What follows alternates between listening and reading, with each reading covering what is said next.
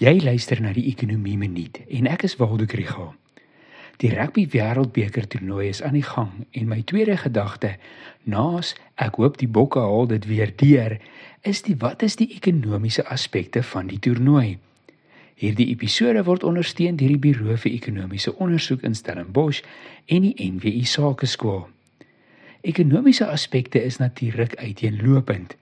Dit is 'n lang toernooi en 'n ontleder het reeds gewaarsku dat dit 'n invloed kan hê op mense se produktiwiteit.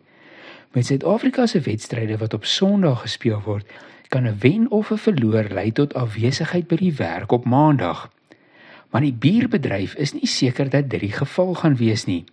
Verbruikers kry finansiëel swaar en beerdkrag beteken dat tavernes nie die bier altyd koud kan hou nie.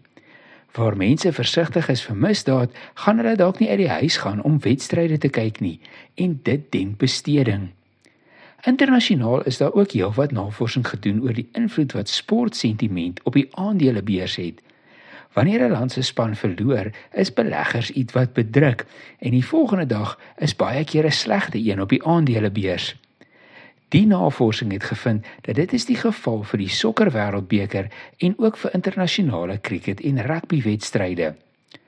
Ander navorsing kyk weer na wat met die groot borgers se aandelepryse gebeur. In die geval van die PGA Golftoer en die Amerikaanse NASCAR wedrenne, vaar die borgers se aandele beter vir die duur van die kompetisie. Maar laat ons nie verder veel meer bekommerd wees oor die ekonomie nie. Geniet die rugby Drink bier verantwoordelik. Dit is 'n produk met grootliks Suid-Afrikaanse inhoud en 'n produksieproses wat werke skep en klein boere steun. Baie sterkte aan die bokke. Ek is seker julle gaan ons weer trots maak.